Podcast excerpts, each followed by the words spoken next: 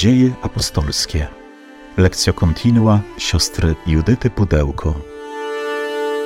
Powracamy do naszego tekstu dziejów apostolskich i prosimy o to, aby towarzyszyła nam obecność, moc, siła Ducha Świętego, abyśmy mogli uciszyć nasze serca z tych wszystkich wydarzeń, wrażeń, sytuacji dnia dzisiejszego i tego wszystkiego, co gdzieś pociąga nasze myśli, nasze serce, i abyśmy przez chwilę mogli wsłuchać się, zobaczyć, y, w jaki sposób Pan Bóg działa przez swego ducha w kościele i w jaki sposób też działa w nas, bo to słowo jest zawsze dla nas obrazem bardzo wyraźnym Bożego działania wobec nas w naszym życiu, w bardzo różnych naszych doświadczeniach.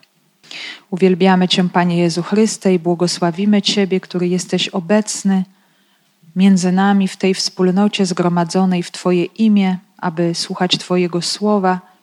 Prosimy Cię, oddalaj od nas wszelkie zagrożenia, tego, co mogłoby nam w jakikolwiek sposób zakłócić przyjmowanie Twego słowa, odebrać nam odwagę, nas zniechęcić. Otwieraj nasze serca Twoją łaską, łaską Twego Ducha Świętego Spraw, aby to słowo stawało się dla nas czytelne, aktualne, abyśmy przez nie mogli coraz bardziej poznawać Ciebie i Twoją miłość. Prosimy Cię, udzielaj nam Twego Ducha Świętego. Przyjdź, o Duchu Święty, przyjdź mocy Boga i słodyczy Boga. Przyjdź Ty, który jesteś poruszeniem i spokojem zarazem.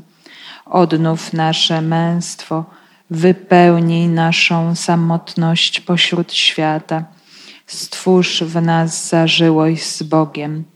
Przyjdź duchu z przebitego boku Chrystusa na krzyżu. Przyjdź z ust zmartwychwstałego. Powracamy sobie do naszej rozpiski, naszej wędrówki w dziejach apostolskich. Jak widzimy, jesteśmy już w kolejnym etapie. Już wyszliśmy z Jerozolimy całkiem, całkiem spory kawałek. Dzisiaj jeszcze pójdziemy w inną stronę, więc generalnie zaczynamy się ruszać i dlatego, że w ruch zostało wprowadzone Boże Słowo i ono chce, chce w tej wędrówce e, prowadzonej przez Ducha Świętego dojść aż na krańce świata. Taki jest cel. E, taki cel był i w pierwotnym Kościele, i taki cel jest dzisiaj, bo jeszcze mamy wiele krańców świata, e, czyli ludzi, którzy jeszcze Chrystusa nie znają, albo tych, którzy nie chcą go znać, albo tych, którzy mogliby go poznać, a go jeszcze nie poznali, więc cały czas ta misja jest aktualna. E, tutaj natomiast e, przyglądamy się tej pierwszej podróży e, i ta pierwsza podróż przebiega aż do ustanowienia kościoła w Antiochii i później E, to będzie taki bardzo ważny punkt, z którego, jak sobie już mówiliśmy, rozpoczną się wyprawy misyjne świętego Pawła.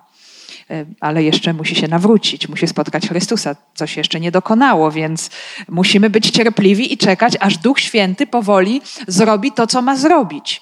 To się już dokona niebawem. Teraz mamy taki bardzo intensywny czas i zaraz zobaczymy, że Duch Święty no, działać będzie w sposób porażający, szokujący. I cały czas, y, słuchając też tego słowa, miejmy też to na uwadze, że w taki sam sposób Duch działa dziś. Że Duch Święty się nie zmienił. Nie jest tak, że On stracił y, datę ważności, aktualność, świeżość przez całe wieki trwania historii Kościoła, on cały czas z taką mocą, z tak samą wielką mocą działa w naszej historii. Tak jak dziś zresztą za chwilę to zobaczymy. Czego oczekuje? Naszej odpowiedzi, naszej otwartości, naszego tak. Co zobaczymy również w tym dzisiejszym słowie, jak bardzo jest to ważne. Więc znajdujemy się właśnie w tymże momencie, Także cały czas też mamy na względzie mapę. Y, przypominamy sobie, że jesteśmy w Imperium Rzymskim I wieku, y, że jest tutaj ta maleńka Palestyna z Jeruzalem i to jest właśnie to życiodajne centrum, gdzie dokonało się odkupienie i to słowo wyrusza w drogę i chce być zaniesione aż na krańce świata. I pierwszym punktem w tej podróży, jak widzimy, jest położona na północ od Jerozolimy Antiochia Syryjska. Y, I już kilka punktów przeszliśmy, już mogliśmy zobaczyć działanie ducha poza Jerozolimą, a nawet poza Judeą, w Samarii. Jeszcze sobie zaraz w naszym kontekście do tego wrócimy.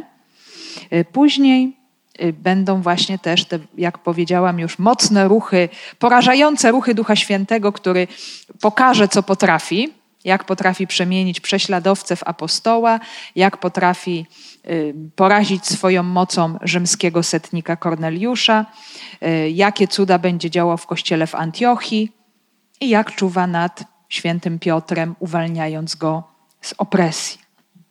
Y, jesteśmy właśnie w tym małym fragmencie, który początkuje nam wyjście y, z Jerozolimy i przyglądamy się postaci Filipa, diakona, czy przynajmniej tego, który należał do grupy siedmiu, jak Pan Bóg się posługuje tym człowiekiem, jak sobie powiedzieliśmy, z drugiego szeregu, nie należącym do grona dwunastu, nie znającym Jezusa podczas jego życia ziemskiego, więc takiego apostoła, jakim jesteśmy my, każdy z nas, ochrzczonego i gotowego do słuchania Ducha Świętego. Jak wielkie rzeczy się właśnie dzieją przez niego, a dziś zobaczymy jeszcze większą rzecz, aniżeli ta, która się dokonała wcześniej. Ale też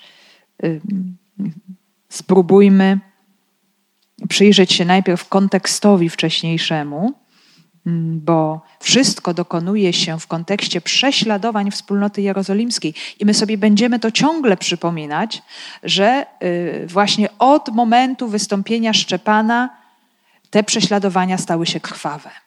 I ta pierwsza krew przelana, ona wydaje jakiś niezwykły, ogromny plon. Jest ogromna tajemnica śmierci dla życia, e, tajemnica no, zjednoczenia trudu apostoła, świadka z osobą samego Jezusa Chrystusa, ukrzyżowanego baranka i zmartwychwstałego. I ten plon się będzie nieustannie powiększał.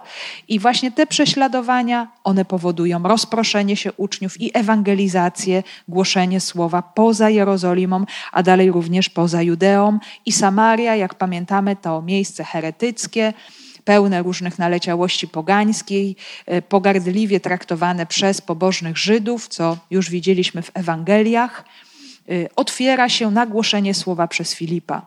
Nawet nawraca się człowiek związany z magią, Szymon, zachwycając się również tymi przejawami mocy Filipa, co też, y, jak zaraz zobaczymy, musi być y, jeszcze bardzo mocno oczyszczone, bo kiedy przybywają Piotr i Jan, mając właśnie zaaprobować, potwierdzić to wszystko, co Duch Święty czyni w Samarii, y, udzielają tych zewnętrznych przejawów Ducha Świętego. Mówiliśmy sobie o tym, że jest to jakiś prototyp być może sakramentu bierzmowania, czyli tego obdarowania Duchem Świętym y, innym czy nowym y, w odniesieniu do pierwszego obdarowania w sakramencie chrztu, czyli te, tym darem, który uzdalnia do świadectwa, do odważnego wyznawania wiary, to wtedy okazuje się, że wcześniejszy mag, magik, Y, widział w tym jednak jeszcze pewną moc magiczną, zapragnął kupić Ducha Świętego za pieniądze, mieć moc udzielania charyzmatów Ducha Świętego innym, aby mieć z tego jakieś wyraźne korzyści. Y, ale y, tutaj ponownie, jak w przypadku, jak pamiętamy, w przypadku grzechu Ananiasza i Safiry, Piotr jako głowa Kościoła ma to poznanie profetyczne, bardzo wyjątkowe i wzywa maga do nawrócenia w sposób bardzo ostry, bardzo kategoryczny, y, właśnie wskazując mu na y, straszliwą sytuację, w której się znalazł. I, I, to powoduje ukorzenie się tego człowieka i y, uznanie swojej winy więc y, jest to również kolejna sytuacja bardzo mocno pouczająca, że y, no, ta ewangelizacja z jednej strony dokonuje się tak bardzo dynamicznie, sprawnie, no, ale jednocześnie ten materiał ludzki jest materiałem ludzkim. I są różnego rodzaju przeszkody, i ludzie mają różne wyobrażenie o Bogu i o Jego działaniu, i zwłaszcza na takich terenach um, spoganiałych, gdzie ludzie mają bardzo różne wyobrażenie y, mocy duchowych, może dochodzić właśnie do niewłaściwego, magicznego podejścia do spraw duchowych. I myślę, że jest to również kwestia bardzo, bardzo aktualna. że można e, rzeczywistość charyzmatów, darów duchowych, przejawów łaski, jakichś nadzwyczajnych wydarzeń, można to traktować w sposób magiczny, automatyczny i chcieć sobie tutaj jakąś technikę ogarnąć, żeby móc się tym wszystkim posługiwać, a zatem no, posługiwać się Panem Bogiem, Duchem Świętym w sposób instrumentalny. Więc jest to również jakaś przestroga dla wszystkich chrześcijan, aby potrafili tę rzecz właściwie zrozumieć. E, no i co się dzieje? Dzieje się e, to, na czym zakończyliśmy ostatnio, że e, Piotr i Jan wracają do Jeruzalem po dokonaniu tej misji w Samarii, że ewangelizują, widzą, że Duch ich do tego posyła. Wszędzie tam, gdzie przechodzą, gdzie idą, nawracają ludzi do Jezusa Chrystusa, głoszą Ewangelię. A co się dzieje z Filipem? Możemy teraz jeszcze na dłuższą chwilę zobaczyć, co dalej Duch Święty robi z Filipem. Ponieważ mamy długi tekst, więc będzie on dzisiaj przeczytany od razu w języku polskim. Z dziejów apostolskich. Wstań i pójdź około południa na drogę, która prowadzi z Jerozolimy do Gazy. Jest ona pusta, powiedział anioł pański do Filipa. A on poszedł. Właśnie wtedy przybył do Jerozolimy oddać pokłon Bogu Etiop, eunuch, dworzanin królowskiej etiopskiej Kandaki – zarządzający całym jej skarbcem i wracał, czytając w swoim wozie proroka Izajasza. Podejdź i przyłącz się do tego wozu, powiedział duch do Filipa. Gdy Filip podbiegł, usłyszał, że tamten czyta proroka Izajasza. Czy rozumiesz, co czytasz? zapytał.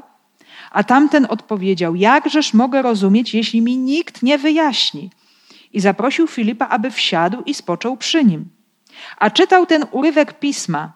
Prowadzą go jak owcę na rzeź i jak baranek, który milczy, gdy go strzygą. Tak on nie otwiera ust swoich. W jego uniżeniu odmówiono mu słuszności. Któż zdoła opisać ród jego? Bo jego życie zostanie zabrane z ziemi. Proszę cię, o kim to prorok mówi? O sobie czy o kimś innym? Zapytał Filip, Filipa Dworzanin. A Filip otworzył usta i wyszedłszy od tego tekstu pisma, opowiedział mu dobrą nowinę o Jezusie. W czasie podróży przybyli nad jakąś wodę. Oto woda, powiedział dworzanin. Cóż stoi na przeszkodzie, abym został ochrzczony? I kazał zatrzymać wóz, i obaj, Filip i dworzanin, weszli do wody i ochrzcił go. A kiedy wyszli z wody, duch pański porwał Filipa i dworzanin już więcej go nie widział. Jechał zaś z radością swoją drogą. A Filip znalazł się w Azocie i głosił Ewangelię, przechodząc przez wszystkie miasta, aż dotarł do Cezarei. Wstań i pójdź około południa na drogę, która prowadzi z Jerozolimy do Gazy. Jest ona pusta, powiedział anioł pański do Filipa. Także mamy, jak sobie powiedzieliśmy, kontynuację historii Filipa, ewangelizatora Samarii, e, który już rozstał się z Piotrem i Janem, każdy idzie swoją drogą. Narracja nam powraca do Filipa. No i co się dzieje dalej?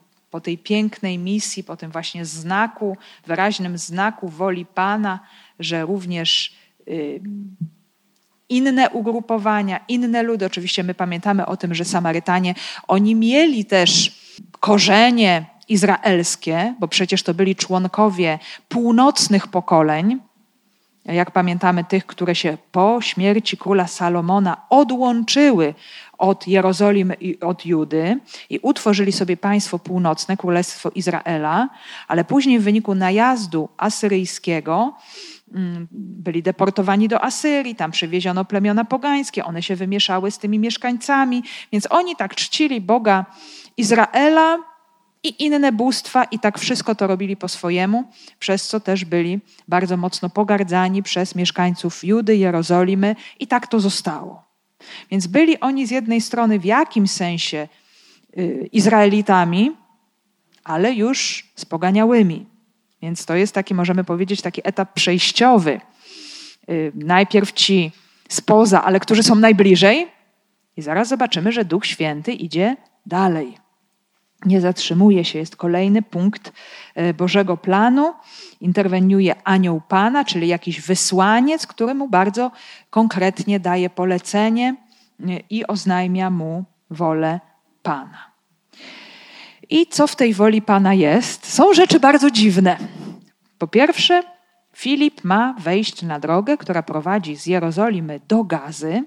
Ta droga mniej więcej wynosi 80 kilometrów, to nie jest daleko.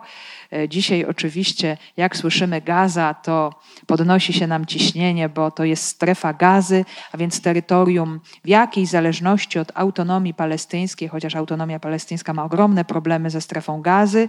Jest to miejsce obecnie zamknięte, wyłączone, oddzielone, bardzo mocno skonfliktowane z Izraelem. Natomiast w historii było to miasto filistyńskie, jedno z pięciu miast filistyńskich, to była Gaza, to był Gad, Ekron, Ażdot i Aszkelon. Jak czytamy sobie chociażby historię Saula, Dawida, to słyszymy o wielu właśnie e, spotkaniach z Filistynami, potyczkach, i od kiedy się oni tam mniej więcej w XIII-XII wieku, podobnych czasach jak Izraelici, osiedlili się na wybrzeżu, to jest południowa część wybrzeża y, Izraela, ziemi Kanaan, y, to nieustannie właśnie dręczyli Izraelitów, cały czas były wojny pomiędzy Izraelem i Filistynami, więc y, no, były to sytuacje trudne, chociażby możemy wspomnieć historię Samsona, innych sędziów, właśnie potem Saula i, i Dawida. Y, I Dawid, jak pamiętamy, Filistynów okiełznał. No ale niestety te miasta, one w czasach Jezusa i w czasach Kościoła, one miały status miast schelenizowanych, pogańskich. Y, zresztą, y, bardzo pięknych również. Y, I dlaczego to, ta Gaza jest tutaj wymieniona i jest ważna? Ponieważ tam prowadziła droga do Egiptu. Taka możemy powiedzieć autostrada starożytna. Wzdłuż właśnie najpierw od Jerozolimy do Gazy i później z Gazy dalej na południe można było się dostać do Egiptu i do Afryki. Czyli jest to, możemy powiedzieć, jakiś ważny punkt tranzytu, przejścia y, jakichś nowych terytoriów, które być może tutaj Duch Święty będzie chciał wskazać.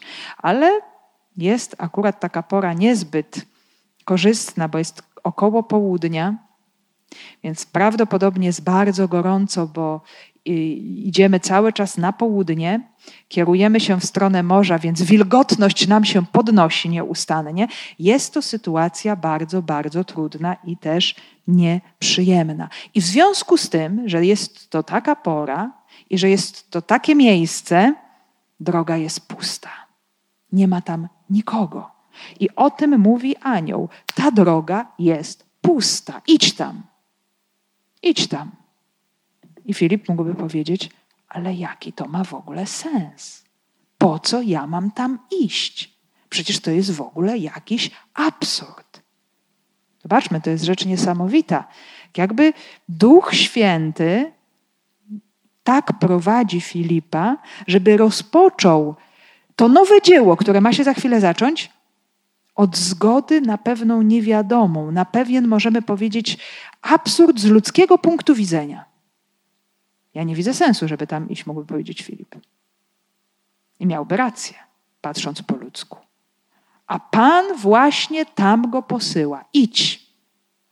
Nie? Spróbujmy wejść tak, zastanowić się nad tą sytuacją, która od samego początku wydaje się nienormalna, absurdalna, bezsensowna. Jest to, myślę, bardzo ważne doświadczenie, żeby się temu przyjrzeć i to zobaczyć bo bardzo często Boże dzieła zaczynają się właśnie w taki sposób. Od sytuacji, od początków, które z ludzkiego punktu widzenia są niewytłumaczalne. Człowiek nie wie, dlaczego ma to zrobić, ale Bóg go do tego wzywa, Bóg go do tego zaprasza. I co jest potrzebne tutaj na samym początku? Posłuszeństwo. Posłuszeństwo Panu, posłuszeństwo duchowi. Nie zadawanie sobie pytań, a jak, a po co, a dlaczego, a jaki sens, a w ogóle, a tych wszystkich kalkulacji, bo to nie jest dzieło Twoje, Filipie, to jest dzieło moje. I zaraz zobaczysz, dlaczego. Więc droga pusta, pora gorąca i wydaje się, że wszystko jest skazane na porażkę. Ale nie wiem, czy coś tu jesteśmy w stanie zobaczyć z tej mapy. Widać Jerozolimę. Widać Jerozolimę bardziej na wschód, w kierunku już Jordanu, Morza Martwego, a Gaza rzeczywiście na nizinie filistyńskiej, nizinie nadmorskiej, już zupełnie też inny teren. No i mm, wracając właśnie z Samarii do Jerozolimy, Filip ma się znaleźć na tej drodze, nie wiedząc na razie dlaczego. A on poszedł. Właśnie wtedy przybył do Jerozolimy oddać pokłon Bogu Etiop, eunuch, dworzanin królowej etiopskiej Kandaki, zarządzający całym jej skarbcem i wracał czytając w swoim wozie proroka Izajasza. Bardzo dużo tutaj informacji od razu już nam się wyjaśnia, w jakim celu i dla kogo Filip miał się znaleźć na pustej drodze w południe. Y, więc to posłuszeństwo od razu zaowocowało odpowiedzią Pana. Mamy niespodziankę, droga wcale nie jest pusta, bo powraca ktoś z Jerozolimy. Dlaczego jest na tej drodze? Bo ta droga właśnie prowadzi w kierunku Afryki. On wraca po prostu do siebie, do domu. Y, I to jest Etiop. Nie znamy jego imienia, wiemy, że jest on Etiopem. Y, to słowo z języka greckiego znaczy tyle, co spalona twarz etymologicznie. Etiopczycy ciemnoskórzy w porównaniu do Izraelitów, Żydów, wyglądający inaczej i mieszkaniec ziemi Kusz. W języku hebrajskim Etiopia była nazywana Kusz, e, a jej mieszkańcy to byli Kuszyci. To słowo Etiopia, Etiopii, Etiopowie to już jest nazwa grecka tego ludu, tego miejsca i tej nacji. No więc mamy już tu do czynienia z klasycznym poganinem, Chociaż zaraz zobaczymy, że będzie to poganin bardzo wyjątkowy i bardzo szczególny, ale to nie tylko to, że jest poganinem, jest on eunuchem, czyli jest po prostu kastratem. Ten właśnie tego w, w greckim tekście jest. W greckim tekście jest, że jest eunuchem, Y, dlatego że to słowo eunuch też y, tłumaczono jako dworzanin, bo eunuchowie y, pełnili wysokie funkcje na dworach królewskich. To jest też ciekawe, że w niektórych tekstach Septuaginty jest właśnie ten dodatek eunuch do kogoś, o kim nie wiedzieliśmy, że jest eunuchem z samego tekstu hebrajskiego. Na przykład Potifar. Pamiętamy Potifara? Y, z historii o Józefie, no miał żonę. Natomiast jest w wersji Biblii greckiej Septuaginty jest nazwany również eunuchem. I nie wiemy, czy jest to już po prostu późniejsza interpretacja, która miałaby wyjaśnić, dlaczego żona Potifara szukała sobie kogoś innego, czy być może tylko, akurat w tym przypadku, tenże człowiek był określany tym mianem z racji na pewne e, zajęcia, zadania dworskie, które posiadał, które na przykład posiadali również inni eunuchowie. Nie wiadomo, trzeba byłoby tę sprawę dokładniej przebadać. Niemniej jednak pojawiają nam się eunuchowie y, w kontekście chociażby księgi Estery, bo byli to strażnicy haremów królewskich, no z wiadomych względów. Byli to mężczyźni silni, pilnujący tychże haremów, a jednocześnie bezpieczni z wiadomych względów. Więc e, byli wysoko postawieni, mieli odpowiedzialne funkcje, ale nie stanowili żadnych rywali dla władców. I dlatego właśnie byli, e, byli bezpieczni. Nie, niekoniecznie, dlatego że tutaj e, oprócz tego terminu eunuch jest jeszcze inne słowo, które wskazuje na pełnione funkcje, bardzo konkretne funkcje że on jest właśnie eunuchem, dworzaninem i oprócz tego jeszcze zarządzającym skarbem y, królowej Etiopii. Więc nie wszyscy eunuchowie robili to samo, właśnie większość z nich była związanymi, byli związani z haremami królów, władców wschodu. I królowa, chodzi tutaj o królowę Etiopii, ale jest to królowa matka. Kandaki to nie jest jej imię własne, ale jest to zaszczytny tytuł królowej matki. Y, królowe matki były bardzo ważne. Czasami matka króla mogła więcej aniżeli żona króla. Więc akurat e, wiadomo, że taka królowa matka miała swój dwór obok właśnie e, synów czy syna, który rządził, e, miała swoje sługi, więc on akurat zajmował się jej skarbem. Także możemy powiedzieć, że mamy do czynienia z taką przedziwną osobą, bo z jednej strony jest to człowiek na bardzo wysokim stanowisku, zarządzający skarbem, dworzanin, więc jakieś możemy powiedzieć wyższe sfery, ale z drugiej strony jest to człowiek, który no, z ludzkiego punktu widzenia jest przez innych mężczyzn jest pogardzany. Z powodu braku męskości, y, jest impotentem, jest bezpłodny. Już z punktu widzenia pobożnego Żyda, Żyda powinien być w ogóle przekreślony i skasowany. No bo y, w ogóle brak posiadania potomstwa w rozumieniu pobożnych Żydów no było jakimś ogromnym defektem, brakiem. Bóg ci nie błogosławi, czegoś ci brakuje, e, nie przekazujesz życia, jesteś uschniętym drzewem, mówi pismo. Nie masz życia w sobie. Więc raczej takimi osobami pogardzano. Co ciekawe, e, ludzie właśnie mający tego rodzaju okaleczenie, czy z natury czasami rodzący się z jakimiś defektami e, dotyczącymi sfery płciowej, czy wykastrowani przez kogoś no, w różnych okolicznościach, oni nie mieli prawa uczestniczyć w kulcie. Mieli defekt. Byli, możemy powiedzieć, no, gorszej jakości. Nie posiadali błogosławieństwa od Boga, tak przynajmniej oczywiście odczytywali ich pozycję ludzie. Więc z punktu widzenia pobożnego Żyda nie jest to człowiek, możemy powiedzieć, zachęcający do jakiegoś bliższego kontaktu i y, możemy powiedzieć kandydat na pierwszego poganina w kościele ochrzczonego. Więc zobaczcie, Pan Bóg sobie wybiera w sposób bardzo dziwny, niezwykły.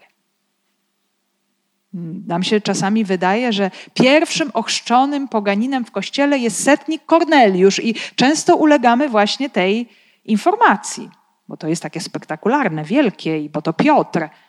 A tymczasem Pierwszym ochrzczonym poganinem jest eunuch z Etiopii. Właśnie tak. Także księga Izajasza nazywa właśnie bezsilność eunuchów uschłe drzewo. W ogóle ten termin jest bardzo ciekawy, moi drodzy, bo kiedy Jezus mówi w Ewangelii o bezżennych dla królestwa, i tam jest piękne słowo, y, ci, którzy dla królestwa Bożego pozostają bezżenni, to jest właśnie zupełnie inna kategoria. Tam jest to samo słowo. Eunuchoi. Czyli tak jakby nie posiadający tej, oddający tą swoją sferę płodności Bogu. Nie dlatego, że ktoś jest okaleczony, czy nie dlatego, że się takim urodził, ale dlatego, że dla Królestwa Bożego pozostaje, byśmy powiedzieli, właśnie takim eunuchem. I zresztą trzeba to też powiedzieć, że to jest droga Jezusa. To On jest właśnie takim, został takim eunuchem dla królestwa. Nie posiadał swojej ziemskiej, naturalnej rodziny, będąc człowiekiem. Był jednocześnie Bogiem. Ale właśnie On był jako y, pierwszy w kościele właśnie takim eunuchem bezrzędnym dla królestwa. E, więc Biblia nam no, tak podchodzi początkowo pogardliwie do tych ludzi, ale y, już w późniejszych tekstach pojawia się coś niezwykłego, pojawia się proroctwo i niezwykła też zapowiedź.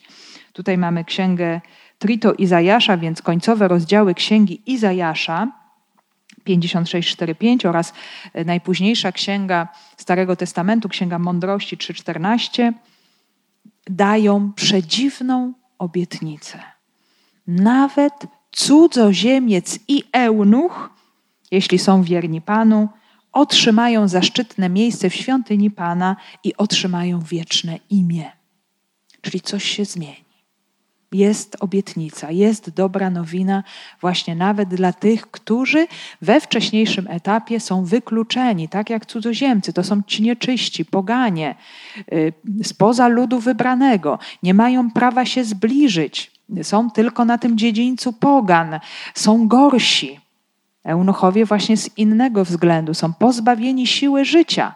A ta siła przekazywania życia właśnie upadabniała człowieka do Boga tak bardzo mocno. To jest bardzo mocno zakorzenione w tradycji Izraela.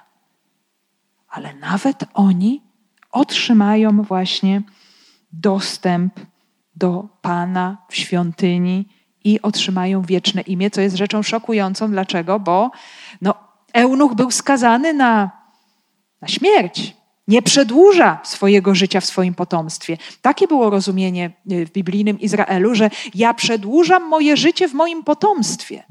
Ja jestem żywy dalej. Pomimo, że odchodzę, jest moje potomstwo, które przedłuża moje życie. A eunuch nie ma żadnych szans, umiera i, i, i koniec z nim. Jego imię już zanika, jego ród zanika, a tymczasem pojawia się przedziwna obietnica, zapowiedź łaski również dla tych, którzy z ludzkiego punktu widzenia są jak wyschłe drzewo, bez owocu z ludzkiego punktu widzenia. Więc pismo daje już nam jakąś zapowiedź i zobaczmy, jak cudownie, jak niezwykły sposób w Jezusie Chrystusie i w całym tym dziele, które y, On dokonuje i sprawia, które kontynuują Jego uczniowie, jak bardzo te wszystkie zapowiedzi się wypełniają, realizują wręcz w sposób dosłowny, całkowicie dosłowny. Jeszcze jedna wspaniała rzecz y, tutaj dotycząca geografii. Ziemia Kusz, Etiopia, y, to jeszcze troszeczkę dalej niż Egipt, na południe, byśmy powiedzieli. Możemy sobie wyobrazić mapę, czy potem nawet spojrzeć, gdzie ta Etiopia jest. Y, to tam właśnie skąd bierze początek Nil, źródła Nilu. Y, I w, już w czasach biblijnych te tereny były uznawane za odległe, dalekie krainy, bardzo, bardzo odległe ziemie. Y, były właśnie takie zapowiedzi, że właśnie stamtąd, z ziemi kurz, będą przyniesione dary dla Pana. A w czasach Jezusa i Kościoła to było właśnie najbardziej odległe w tę stronę akurat miejsce Imperium Rzymskiego. Aż do ziemi Kusz dotarli Rzymianie i nad tymi ziemiami władali. I to już były krańce Imperium Rzymskiego. I zobaczmy, to się bardzo wyraźnie odnosi do zapowiedzi Jezusa: Będziecie moimi świadkami w Jerozolimie, w Judei, w Samarii i aż po krańce ziemi. I właśnie mamy człowieka z krańców ziemi, który się pojawia na pustej drodze około południa, wracając na swoje krańce ziemi z Jerozolimy. Nie ma żadnych przypadków. Y, Filip pojawił się na tej drodze właśnie dokładnie ze względu na niego. Y, I eunuch, będąc właśnie tym człowiekiem wykształconym, dworzaninem, bogatym, widać, że był również człowiekiem bardzo głębokim, bardzo poszukującym, że nie był on jakimś przeciętnym bałwochwalcą, y, kłaniającym się jakimś prymitywnym bożkom, ale właśnie był to człowiek, który szukał czegoś więcej. I już widać to w samym fakcie, że przybywa do Jerozolimy, do świątyni, i ten jego pobyt nie jest ani turystyczny, ani zwiedzaniowy, ani jakiś tam jeszcze inny, ale jest to pobyt bardzo wyraźnie duchowy ponieważ przychodzi, aby oddać cześć Bogu. Tutaj mamy użyty czasownik proskyneo, proskynein, co, co oznacza dosłownie jakiś akt liturgiczny. Przychodzi do świątyni, oczywiście wiadomo, że mógł się tylko znaleźć na dziedzińcu pogan, nie mógł już podejść bliżej, więc mógł zobaczyć to, co to, co mógł zobaczyć, usłyszeć może gdzieś tam jakieś śpiewy kapłanów, lewitów, jakieś elementy liturgii świątynnej, których, którym mógł się przysłuchiwać, no i zapewne tęsknił za doświadczeniem Boga prawdziwego. Szukał go. Y, widział, y, że wiara narodu wybranego, wiara Izraela coś znaczy, że to wszystko ma sens, że to się odnosi do kogoś prawdziwego, że to nie są bożki uczynione ręką ludzką. Chciał w to wejść. Ale niestety, jak widzimy, kończyło się jedynie na nawiedzeniu Jeruzalem, na zdobyciu świętych ksiąg Izraela. Ma tutaj on w ręku księgę proroka Izajasza w języku greckim. Greka była wtedy przecież powszechnym językiem y, i właśnie zwłaszcza te tereny Afryki Północnej czy dalej właśnie wszystkich terenów będących pod zasięgiem, czy w pobliżu Egiptu, y, tam znakomicie język grecki był znany i, i czytano wiele dzieł różnych greckich autorów, a pośród tych dzieł była również Septuaginta, czyli księgi święte Żydów, Izraela, przetłumaczone na język grecki. I on ma właśnie tutaj księgę proroka Izajasza. No, bardzo ambitnie tutaj musimy powiedzieć zaczął, bo y, poezja najwyższych lotów y, i księga o bardzo głębokiej, intensywnej teologii. A tutaj człowiek, który jest gdzieś z pogranicza i coś próbuje z tego zrozumieć i coś próbuje z tym zrobić. Przynajmniej czyta na razie, ale nic z tego nie rozumie. Nie rozumie słowa. Zobaczmy, jaki to jest ważny moment, żeby to zauważyć, żeby to odkryć. Mogę iść do świątyni, do miejsca świętego.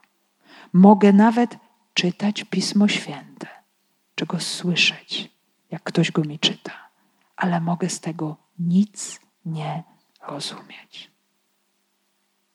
I Pan Bóg wychodzi naprzeciw tej sytuacji. Jak jest niesamowicie ważne zrozumieć Słowo. Zaraz zobaczymy ten proces i, i zobaczymy, na czym to polega i do czego to prowadzi. Ale nie wystarczy mieć księgę. Nie wystarczy nawet ją otworzyć i zacząć czytać, bo to słowo musi do mnie zacząć przemawiać. Ono musi móc wejść do mnie i ktoś musi w tym dopomóc. Podejdź i przyłącz się do tego wozu, powiedział duch do Filipa. Y, pismo, słowo jest czytane, ale nie jest zrozumiałe i potrzebuje wyjaśnienia. I Duch Święty, zobaczcie, to są wszystko, te wszystkie czynności są prowadzone przez Ducha Świętego. Duch Święty chce, żeby słowo było zrozumiałe, żeby było przyjęte, żeby mogło zadziałać bardzo konkretnie w człowieku. Bo słowo, kiedy jest zrozumiałe, ma bardzo konkretne działanie yy, i coś się zaczyna z człowiekiem dziać, zaczyna się w człowieku budzić prawdziwa wiara, jeżeli to słowo jest zrozumiałe. Czy przynajmniej człowiek zaczyna w to słowo wchodzić. A tak czyta i nic. No, coś go tam pociąga, ale, ale nic, nic nie rozumie. Więc Duch Święty, który jest autorem dzieła ewangelizacji, zawsze i tylko on, ewangelizatorzy wierzący są jedynie jego współpracownikami. I naprawdę jest rzeczą najważniejszą być uległym Duchowi Świętemu i go słuchać, a nie robić po swojemu. I, i widzimy, że dokładnie Filip y, działa w sposób bardzo właściwy bo to Duch Święty zaniesie Słowo Boże na krańce ziemi. Nie ludzie, Duch Święty, a ludzie mu po prostu w tym pomogą i pomagają cały czas. Gdy Filip podbiegł, usłyszał, że tamten czyta proroka Izajasza. Czy rozumiesz, co czytasz? zapytał. A tamten odpowiedział: Jakżeż mogę rozumieć, jeśli mi nikt nie wyjaśni? I zaprosił Filipa, aby wsiadł i spoczął przy nim.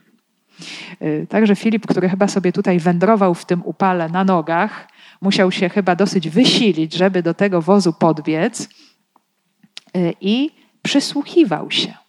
Bo według starożytnych zwyczai y, pisma czytano na głos. Słowo musiało wybrzmieć, musiało być słyszane. Więc przez dłuższą chwilę Filip tak szedł blisko tego wozu i słuchał co tamten czyta, że Filip był Żydem helenistycznym, znał znakomicie język grecki, także zobaczmy, wszystkie te jego zdolności naturalne tutaj jak najbardziej służą do tego dzieła, do którego jest posłany, więc usłyszał. Musiał też znać pisma. E, jak już dosyć sporo czytamy Słowa Bożego, to już jesteśmy w stanie Mm, no, może takich rzadszych fragmentów nie jesteśmy w stanie aż tak zlokalizować, ale wiele tekstów, które słyszymy często czy czytamy często, już je znamy na pamięć. Także Filip mm, no, był w stanie tutaj rozpoznać, o jakim tekście jest mowa. I tu się pojawia fundamentalne pytanie, bardzo ważne, właśnie bardzo ważne w procesie wiary. Czy rozumiesz, co czytasz? Czy to słowo jest dla ciebie zrozumiałe? Czy wiesz, co jest w nim zawarte, o czym ono mówi? I oczywiście my możemy mówić o bardzo różnych poziomach zrozumienia słowa. Bo jeżeli by to pytanie, zobaczcie, zadał e, nauczyciel żydowski nieznający Jezusa Chrystusa, on by też bardzo pięknie wyjaśnił księgę Izajasza z punktu widzenia proroka. O właśnie, tutaj mamy 53 rozdział, zaraz zobaczymy sobie, co to jest za tekst, ale jest to, jest to właśnie druga część księgi proroka Izajasza, y, mówiąca właśnie o czasach powrotu z wygnania babilońskiego, y, czy jakaś prorocza zapowiedź właśnie jakiejś tajemniczej postaci, być może Mesjasza, ale nauczyciel żydowski może by do końca nie umiał wyjaśnić, o czym jest mowa bo jest to tekst, który mm, właśnie w sposób najbardziej wyraźny, być może nawet z całego Starego Testamentu, mówi nam o Jezusie Chrystusie. I w nim się wypełnia, w nim się realizuje. Więc chodzi tutaj właśnie przede wszystkim o wejście w ten sens duchowy zrozumienia, o czym to Słowo Boże mówi właśnie z duchowego e, punktu widzenia że Etiop szczerze tutaj nam wyznaje: Nie rozumiem. Wracam ze świątyni i nie rozumiem dalej. Y, także pismo właśnie wymaga wyjaśnienia, i to jest też bardzo ważne, bo nie mamy tutaj do czynienia z magiczną księgą, która spadła z nieba, i teraz, jak my ją przeczytamy, to ona zadziała w magiczny sposób. Bóg y, komunikuje się z nami w sposób racjonalny. Oczywiście Pan Bóg może mieć zupełnie też inne drogi dojścia do człowieka. Może, bo jest wszechmogący. Ale po to nam daje swoje słowo, żeby wejść z nami w rozumną relację. Jesteśmy rozumni, racjonalni, więc chce być przez nas zrozumiany na tyle, na ile my jesteśmy w stanie go zrozumieć. Wiadomo, że Pan Bóg jest o wiele większy, yy, przekracza wszystkie możliwości naszych szarych komórek, ale przynajmniej tyle, co możemy poznać, to, co jest zawarte w Słowie Bożym, to może i rodzi i buduje w nas zupełnie nową rzeczywistość. Czegoś, czego no, nie da się samemu z siebie wytworzyć. To nam daje Słowo Boże. No ale właśnie musi być być zrozumiałe, przyjęte, musi wniknąć do serca, y, a że my jesteśmy istotami rozumnymi. Jeszcze w starożytności uważano w ogóle, że myśli, decyzje, pragnienia, wszystko rodzi się w sercu człowieka, więc tam musi to słowo trafić i musi w odpowiedni sposób zadziałać. A tak to tylko się czyta i gdzieś to słowo pozostaje na poziomie intelektu i nie może zdziałać to, co chce zdziałać. I Etiop właśnie żali się, brakuje mi. Nie mam nikogo, nie mam kogoś, i dosłownie tutaj tekst grecki nam mówi: Nie mam kogoś, kto mnie poprowadzi. Kto mnie poprowadzi od tekstu, od słowa do zrozumienia, od zrozumienia do wiary. To jest taki kierunek, to jest taka droga. Więc, więc widząc otwartość Filipa, widząc jego zainteresowanie, zaprasza go do rozmowy. Proszę bardzo, siadaj, rozważamy, rozmawiamy na temat tego, co tutaj mamy. I co tutaj mamy? A czytał ten urywek pisma. Prowadzą go jak owce na rzeź i jak baranek, który milczy, gdy go strzygą. Tak on nie otwiera ust swoich. W jego uniżeniu odmówiono mu słuszności. Któż zdoła opisać ród jego, bo jego życie zostanie zabrane z ziemi? No, jest to najbardziej, jak, jak powiedzieliśmy, chrystologiczny tekst Starego Testamentu, Księgi Izajasza. Czwarta pieśń o słudze pańskiej. Mamy cztery pieśni, mm, począwszy od rozdziału 42 y, Księgi Izajasza cztery pieśni o słudze wybranym, powołanym przez Boga do zaniesienia y, Słowa Bożego aż na najdalsze wyspy. Sługa, który cierpi, który jest prześladowany, y, który no, doświadcza wszelkiego rodzaju przeciwności, a potem ostatecznie w czwartej pieśni zostaje zabity. I uwaga, tę śmierć przyjmuje z ogromną pokorą.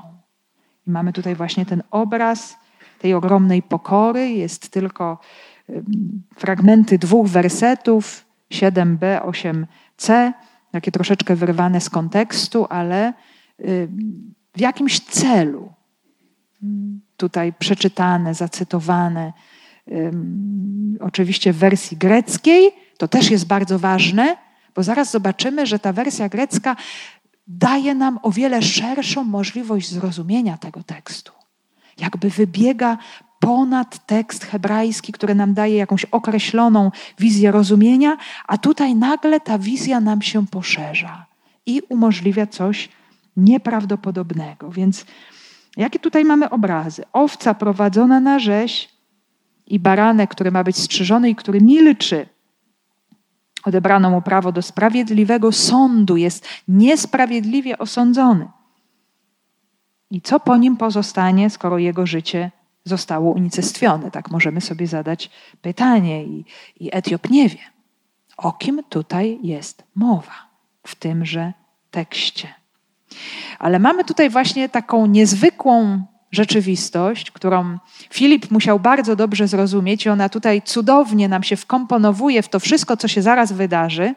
Więc widzimy cierpienie osoby pokornej, osoby łagodnej, i to cierpienie kończy się śmiercią. Bo tak możemy to zdanie końcowe przetłumaczyć, y, bo jego życie zostanie zabrane z ziemi. I to jest śmierć. I wiemy, że życie Jezusa tak się kończy.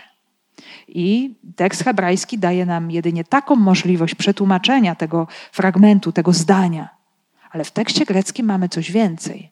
Mamy tutaj czasownik, airo, który oznacza właśnie z jednej strony zabranie czegoś, a z drugiej strony oznacza również podnoszę. Zabieram w takim znaczeniu, że podnoszę do góry. Czyli my to ostatnie zdanie możemy przetłumaczyć, że jego życie zostanie podniesione z ziemi. I to może zostać odniesione do rzeczywistości zmartwychwstania. Tego najważniejszego momentu, który całkowicie zmienia historię cierpiącego sługi i pokazuje jego triumf. Życie sługi nie skończyło się śmiercią tak jakby chciał nas zatrzymać właśnie w tym momencie tekst hebrajski, pokazując jakiś koniec.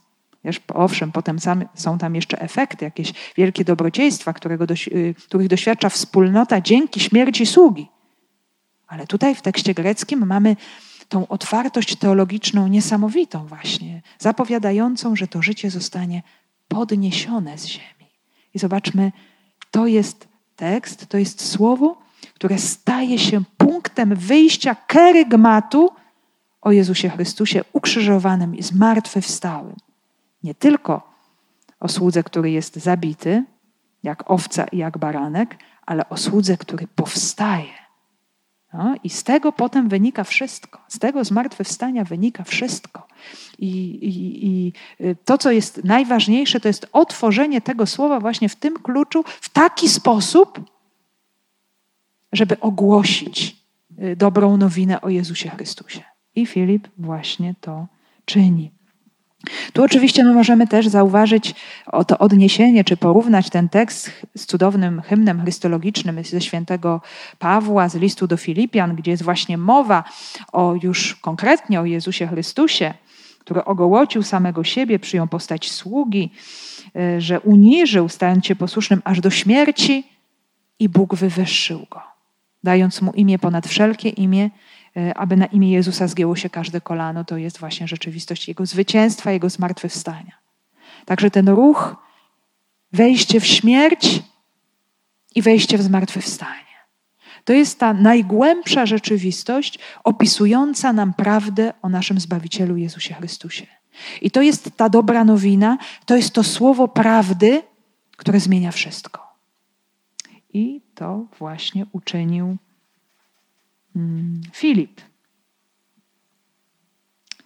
Według właśnie hermeneutyki chrześcijańskiej, którą też ojcowie Kościoła odkryli w pewnym momencie, mamy tutaj chociażby odniesienie do Justyna Męczennika, że jest coś głębszego w tych wszystkich zapowiedziach pierwszego przymierza, pierwszego testamentu, i są to nie tylko słowa ludzkich, natchnionych autorów, ale to sam boski logos, to słowo, które później staje się ciałem, prowadzi tych autorów.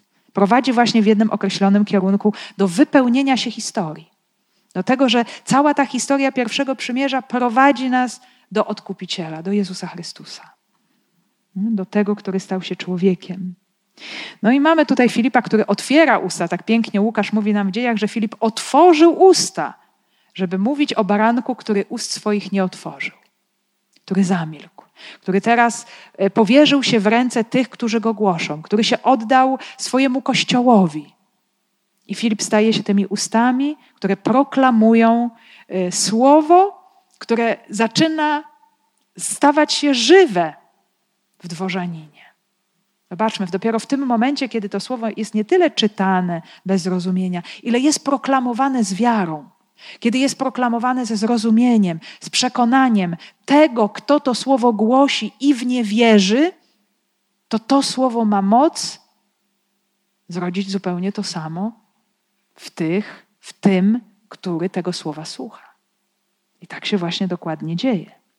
I tak się stało, zobaczcie już, to też jest dzieło Łukaszowe, Ewangelia, e, kiedy sam Jezus, wędrując z uczniami do Emaus, też jest jakiś motyw wędrówki, drogi, mm, wprawdzie tutaj nie jadą na powozie, ale sobie idą, i Jezus otwiera pisma i tłumaczy długą historię, nie tylko malutki fragmencik z Izajasza, ale począwszy od Mojżesza przez wszystkich proroków tłumaczy, co w poszczególnych pismach odnosiło się do Niego. Wyjaśnia słowo w odniesieniu do swojej osoby.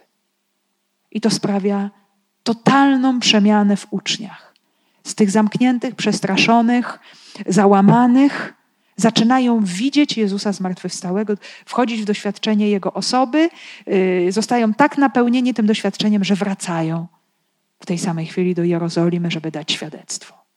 I to jest właśnie ta ogromna siła Słowa Bożego, które staje się czytelne, które staje się otwarte, które mówi, które przez to może dotykać człowieka i też właśnie zmieniać jego życie. Y, także Etiop dzięki Filipowi przechodzi taką drogę w słowie, bo Filip jest tym, który go prowadzi. Nie mam kogoś, kto by mnie poprowadził. E, I, I Filip tutaj jest teraz właśnie tym prowadzącym, tym kierującym e, i przeprowadza go od czytania do zrozumienia, od zrozumienia do wiary. I, I właśnie to samo życie Jezusa wyjaśnia Etiopowi Izajasza 53. Właśnie ten tekst, który czyta. Ale z drugiej strony też zobaczmy, że ten tekst również czyta życie eunucha który z jednej strony jest bogatym, wpływowym człowiekiem, ale z drugiej strony w jego życiu jest jakiś defekt, jakieś cierpienie, y, jakaś bezsilność, jakaś śmierć. Zobaczmy, y, on może dzięki temu słowu znaleźć nową perspektywę dla swojego życia. Że oto skoro y, ten, który jest Panem, wchodzi w rzeczywistość takiego krańcowego upokorzenia, śmierci, braku, to on może teraz to moje życie, które jest pełne braku życia, defektu, cierpienia, on może również z tym moim życiem coś nowego zrobić. Także Jezus czyta Izajasza 53, Jezus czyta życie eunucha. Takiego człowieka e, z ludzkiego punktu widzenia zupełnie przegranego, przekreślonego, bez życia, bez owoców, bez przyszłości pomimo że w tym momencie z ludzkiego punktu widzenia bogaty, ale jednocześnie bardzo cierpiący w pewnym wymiarze. I przychodzi słowo, które nadaje temu życiu zupełnie nową perspektywę. W czasie podróży przybyli nad jakąś wodę. Oto woda, powiedział dworzanin. Cóż stoi na przeszkodzie, abym został ochrzczony? Zobaczmy, jak szybko to się dokonuje. To jeszcze nie był czas, kiedy ten katechumenat trwał długo, jak to było już później e, w dalszym ciągu rozwoju Kościoła, bo to słowo błyskawicznie zrodziło w Etiopii wiarę. Y, nie wiemy dokładnie, co jeszcze dalej Filip mówił, jak opowiadał dalej. Y, być może możemy tutaj posłużyć się też, zaraz to uczynimy, y, pewnymi formułami obecnymi chociażby w nauczaniu świętego Pawła, jak to się dokonało, co było konieczne absolutnie dla przyjęcia chrztu, bo oczywiście pełne wymogi były, chociaż tej struktury takiej bardzo rozbudowanej jeszcze nie było. Ale ponieważ Eunuch był człowiekiem, który poszukiwał przez długi czas, jeździł do tej Jerozolimy i czytał to pismo, miał już pewną gotowość, miał już pewne pragnienie znalezienia wiary. Nie mógł się przebić, bo słowo było dla niego zamknięte. I teraz właśnie wystarczyło to wyjaśnienie, to podprowadzenie, to oświecenie, i ta wiara wybuchła w jego sercu. I dlatego, y, skoro wiara to jest pragnienie chrztu i nowego życia. I pragnienie przyjęcia tego życia, które przynosi właśnie y, ukrzyżowany i zwycięski baranek. Właśnie tutaj dworzanin zadaje pytanie, cóż stoi na przeszkodzie? Jest konkretne pytanie o przeszkody. I to też jest bardzo ciekawe, bo y, tego rodzaju pytania pojawiały się później już w kościele pierwotnym w odniesieniu do katechumenów że byli, jak wiemy, dobrze lustrowani, przyglądano się im, czy rzeczywiście mają właściwe intencje. E, więc katechumen musiał być w jakimś sensie gotowym. Oczywiście nie był doskonały, nie był jeszcze totalnie święty, ale e, musiał chcieć wejść na tę drogę upodobnienia do Jezusa Chrystusa, by stawać się tak jak On. Więc no, był to wymóg bardzo, bardzo wysoki. Oczywiście tu jedyną przeszkodą w Etiopii taką główną i zasadniczą był brak zrozumienia Słowa Bożego i stąd blokada, pewna blokada jego wiary. E, to zostało usunięte, więc Filip uznał, że nie ma żadnych przeszkód, e, aby mógł zostać ochrzczony i dalej dojrzewać właśnie do pełni podobieństwa do Chrystusa.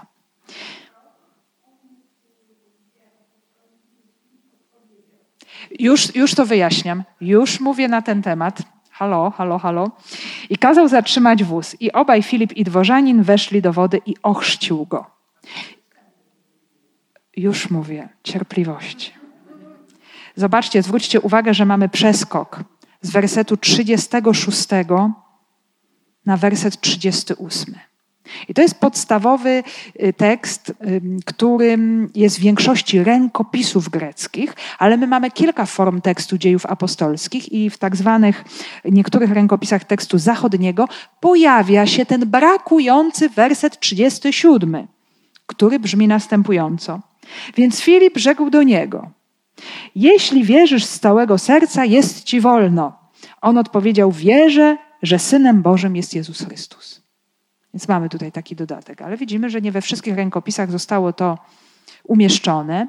E, być może, moi drodzy, to było tak, że już w późniejszym czasie chrześcijanom jednak potrzebna była pewna formuła, pewien konkret, co jest potrzebne do przyjęcia chrztu. Natomiast na tym pierwszym, wczesnym etapie, no wszyscy wiedzieli o co chodziło, więc to się zadziało tak błyskawicznie, e, że nie było tutaj już żadnych dodatkowych pytań, stwierdzeń. Natomiast w tym tekście późniejszym pojawia się właśnie kwestia wyznania wiary, bardzo konkretnego wyznania wiary przez Etiopa. My mamy podobne tutaj, zobaczcie, odniesienia w listach Pawłowych co jest wymagane do przyjęcia chrztu, do stania się chrześcijaninem. I, I, tutaj rozdział 10 listu do Rzymian jest bardzo konkretną wskazówką. Jeżeli więc ustami swoimi wyznasz, że Jezus jest Panem i w sercu swoim uwierzysz, że Bóg go wskrzesił z martwych, osiągniesz zbawienie. I to jest właśnie to. Wyznać wiarę. Tutaj w tym dodatku mamy wyznanie wiary i przyjmujesz właśnie, osiągasz zbawienie i jesteś y, ochrzczony.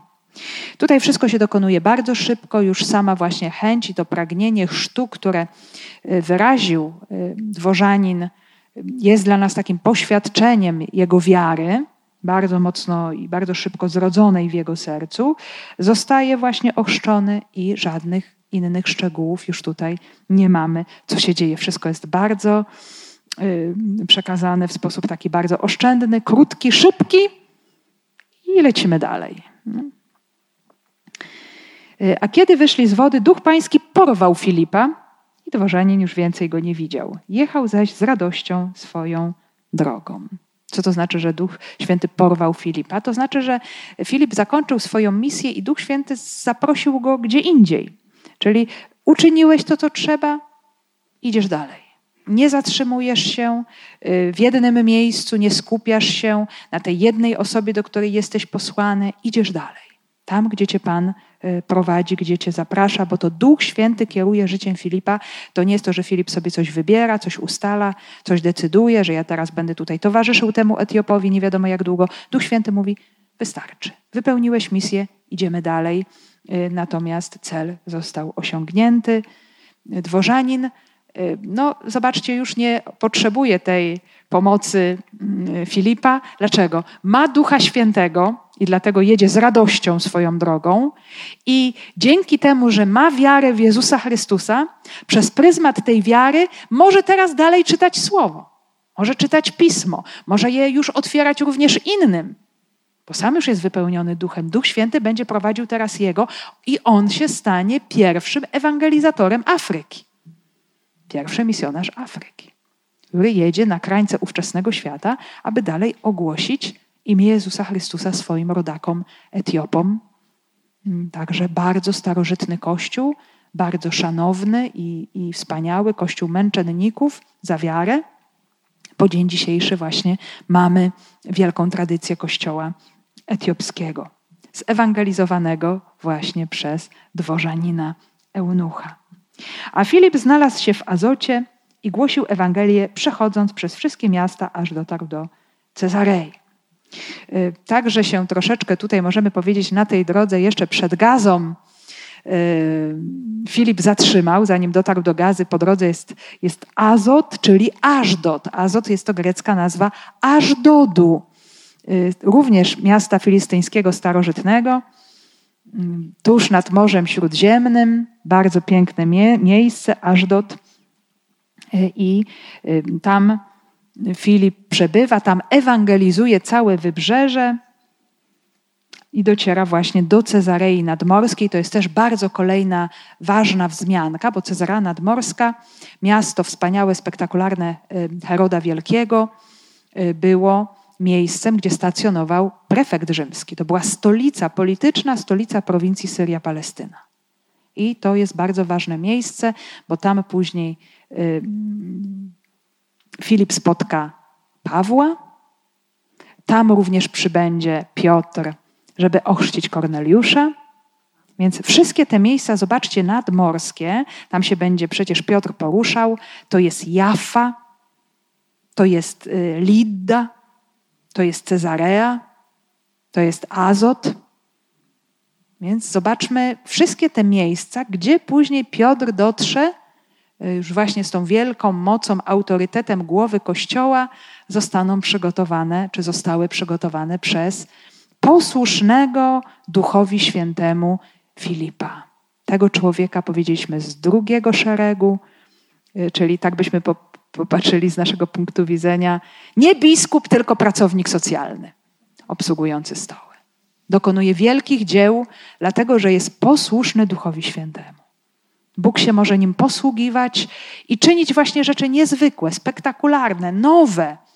Nie? To jest przewrót, to jest rewolucja, która się dzieje w tym momencie z punktu widzenia świata żydowskiego. W tym momencie chrześcijaństwo to jest jeszcze świat żydowski. Oni nie rozumieją y, do końca, że ten Mesjasz ma być dla wszystkich. Oni będą stopniowo do, dojrzewać dopiero do tej prawdy. Że Duch Święty przerywa wszystkie granice, otwiera wszystkie drzwi, biegnie wszędzie. I to są te małe oznaki, zobaczcie, które pokazują to pragnienie Ducha Świętego, który chce ogarnąć wszystkich ludzi. Ale potrzebuje ewangelizatorów, y, apostołów otwartych, odważnych, takich, którzy potrafią wejść w pewne sytuacje absurdu, nielogiczności, niezrozumienia, nie wiedzą, co z tego wyniknie, ale idą i słuchają ducha i są odważni. I resztę wszystko dokonuje Pan działając właśnie poprzez moc swojego ducha. Więc zatrzymujemy się w tym momencie. To jest bardzo ważny moment, bardzo ważny moment właśnie przejścia od kościoła Żydów do kościoła Pogan. I pierwszy ochrzczony poganin to jest eunuch. To jest człowiek przekreślony, uschłe drzewo, bez życia, ale otrzymuje nowe życie od Jezusa otrzymuje, zobaczcie, jeżeli on się stał tym ewangelizatorem Etiopii, jakże wielka płodność duchowa była jego udziałem. Na pewno tych dzieci duchowych miał o wiele więcej, aniżeli miałby ich w tym wymiarze naturalnym. Więc zobaczcie, Bóg przemienia pewne sytuacje w sposób no, nieprawdopodobny, niezwykły i, i wypełnia swoje obietnice zawarte w pismach. Więc to, co jest konieczne, to przyjęcie słowa, które rodzi wiarę, budzi żywą wiarę, y, rodzącą relacje, właśnie y, i nowe życie pochodzące od Jezusa Chrystusa. I to jest ciągle aktualny przepis na stawanie się chrześcijaninem. Więc zawsze Słowo Boże ma moc odnawiać naszą wiarę. My już jesteśmy chrześcijanami ochrzczonymi, ale ona musi ciągle się w nas odnawiać, ciągle w nas pogłębiać i niech Słowo Boże to czyni.